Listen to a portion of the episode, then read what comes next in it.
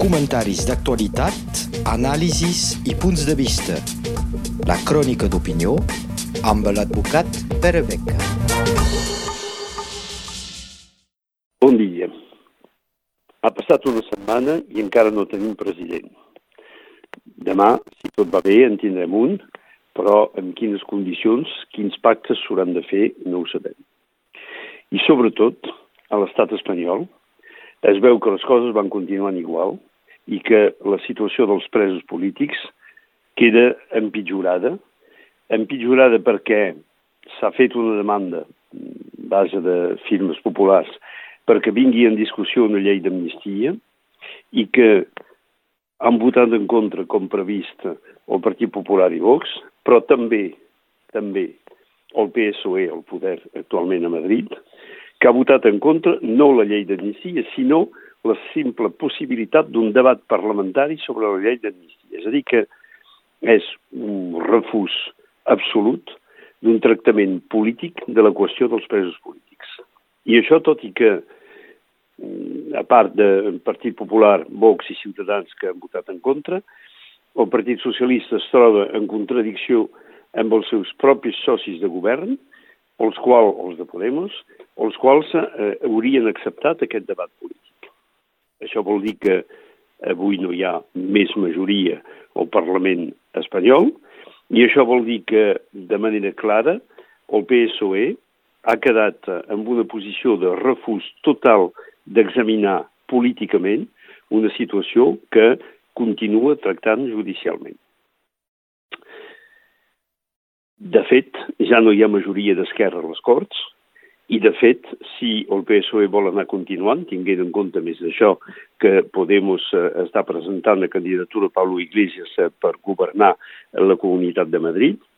doncs es troba en contradicció amb els, amb els seus propis socis i està a punt de eh, tenir la sanció política que pugui arribar si no es posa d'acord amb algun altre partit per tenir majoria de govern. És una situació explosiva que resulta directament de l'absència de voluntat del Partit Socialista Obrer Espanyol de donar una dimensió política a la qüestió catalana. I mentrestant, estem visquent tant a l'estat espanyol com a Catalunya com a França l'evolució de la pandèmia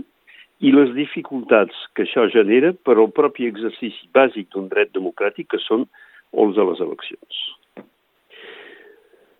Evidentment que les eleccions han posat diversos problemes. Les necessitats de salut pública, eh, és a dir, la possibilitat de fer o no campanya, ha sigut el primer problema plantejat. A les eleccions municipals franceses del 2020, que era el moment que començava la pandèmia, es va decidir de mantenir la primera volta d'aquestes eleccions, tot i que el eh, moment de fer campanya ja estava en un començament de prohibicions, i que la campanya no es va poder fer clarament. Això va provocar una sèrie de conseqüències, algunes potser d'alguna manera positiva, que era l'increment important de les campanyes virtuals i eh, res de debats públics, res d'anar pels mercats a tocar mans, sinó mm, d'afavorir a través de les xarxes socials una discussió que potser d'alguna manera porta més endavant les idees que la pròpia personalitat dels candidats. Això era l'any passat. Aquest any a Catalunya, el 14 de febrer, eleccions. El govern de Catalunya va imaginar demanar que es aquestes eleccions precisament per aquestes mateixes causes sanitàries i l'impossibilitat de fer campanya. Però això ho va rebutjar la justícia espanyola, mantinguent la voluntat de fer aquestes eleccions. De fet, la voluntat era del poder central de mantenir, esperant que així hi hauria una mica de desànim dels moviments independentistes i ha resultat exactament al revés, és a dir, que per primera vegada l'independentisme ha superat el 50% amb una elecció pactada i organitzada. De fet, la qüestió dels riscos sanitaris surt com una qüestió secundària perquè de totes maneres s'ha desmostrat a Catalunya que es podia perfectament organitzar amb responsabilitat i amb sentiment cívic unes eleccions, inclús amb la, la, la presa en consideració de la gent afectada per la pandèmia, inclús amb l'obligació de mantenir els escons de vot en condicions normals, i que, de fet, l'organització pràctica de les eleccions no està prohibida. No està, de fet, impossible de fer unes eleccions amb el risc sanitari. Per tant, per tant, l'estat francès en aquests moments està intentant trobar una solució per l'organització de les eleccions regionals i departamentals. I, evidentment, aquí hi tornem al mateix debat. Sanitat pública contra bloqueig de la vida pública i de les decisions que puguin resultar. Mireu què va passar, com ara, a la comunitat de municipis de la ciutat de Perpinyà, que amb unes eleccions per part acabades en molts municipis des del mes de març, es va haver d'esperar les eleccions del juny i després els vots de l'estiu passat per arribar a fer funcionar la comunitat de municipis, és a dir, un bloqueig de les institucions degut a una absència de voluntat política clarament determinada que va provocar, evidentment, unes conseqüències molt negatives sobre l'evolució de la voluntat política d'organització de la ciutat. I llavors, a poc a poc, surten més idees amb això. És a dir, que els poders en plaça, d'alguna manera, no han trigat a trobar que aquesta qüestió de la pandèmia podia ser, d'alguna manera, una acció política per si mateix. A Catalunya sempre s'ha pogut anticipar eleccions i, per exemple, el Parlament de Catalunya diverses vegades ha sigut dissolt per anterioritat a arribar a unes eleccions quan es necessitava una expressió clara de la voluntat política dels ciutadans. Però el que és més difícil és considerar un mandat per un plaç determinat pot durar més per una pròpia decisió política, encara que sigui dictada per raons sanitàries. I, de fet, aquesta idea de poder modificar la llei o els decrets que preveuen les eleccions és una idea que perjudica una mica el funcionament democràtic, perquè quan es vota per uns candidats o per unes idees o per un partit o per un programa, es vota també amb el pla de temps necessari per poder posar en marxa aquest programa. I com ara l'idea posada endavant per la CUP, el pacte que sembla que hagi fet en Berg, de mm, provocar a mig termini del mandat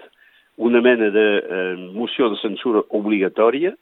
rebé a dir que don a un partit minoritari com la CUP la possibilitat d'influir directament sobre el funcionament mm, de, del govern de Catalunya amb menys temps que el que la legislació havia previst per fer, per posar en plaça realment una política. És a dir, que voldria dir que a Catalunya hi poden haver eleccions cada dos anys, que això no té sentit, perquè, evidentment, en dos anys el temps de posar en plaça els eh, elements de funcionament d'un govern eh, fa, deixa molt poc temps per portar endavant una política a llarg termini. I passa una mica la mateixa cosa a l'estat francès en aquests moments s'està pensant les eleccions de regionals i departamentals estaven previstes pel març, portades al mes de juny per raons sanitàries, però ja es comença a dir que no es podrà complir la data del mes de juny i que potser això iria més endavant a l'octubre o al novembre, sí, i tant com la pandèmia eh, va baixant. Però no veiem amb això que provocarà una concentració d'eleccions en poc termini, perquè d'aquí menys d'un any, ara, o més o menys un any, hi ha eleccions presidencials de l'estat francès. Aquestes eleccions presidencials estan basades sobre de, únicament la personalitat del president de la República, ja que es veu que el seu propi partit no arriba a arrelar-se a través de les altres eleccions, i que potser vindrà la tentació al senyor Macron d'arribar a una solució de tipus d'Estats Units, és a dir, arribar en el mateix dia, es facin totes les eleccions, les presidencials i les dels diputats just a darrere, això ja està constant de des que el mandat presidencial és de 5 anys, però potser fins i tot arribar és que les eleccions departamentals i regionals es facin el mateix dia, com als Estats Units hi ha moltes eleccions el mateix dia, i per arribar a fer que el règim sigui totalment presidencial de dalt a baix de l'escala política. I això pot ser molt perillós, perquè precisament el sistema de l'estat francès està basat sobre de la multiplicitat d'aquestes eleccions i el fet que a mig termini dels mandats polítics els electors puguin dir el que estan pensant de la política que està portada endavant. Si totes les eleccions queden agrupades en un termini molt curt i en sis mesos seria un termini molt curt, tot irà lligat a la pròpia campanya presidencial i doncs a la personalitat del president de la República. Evidentment que pot ser l'interès d'un senyor com Emmanuel Macron, però no sé si és realment l'interès de democràcia. Per això hem de quedar molt vigilants. Moltes gràcies. Comentaris d'actualitat, anàlisis i punts de vista. La crònica d'opinió amb l'advocat Pere Beca.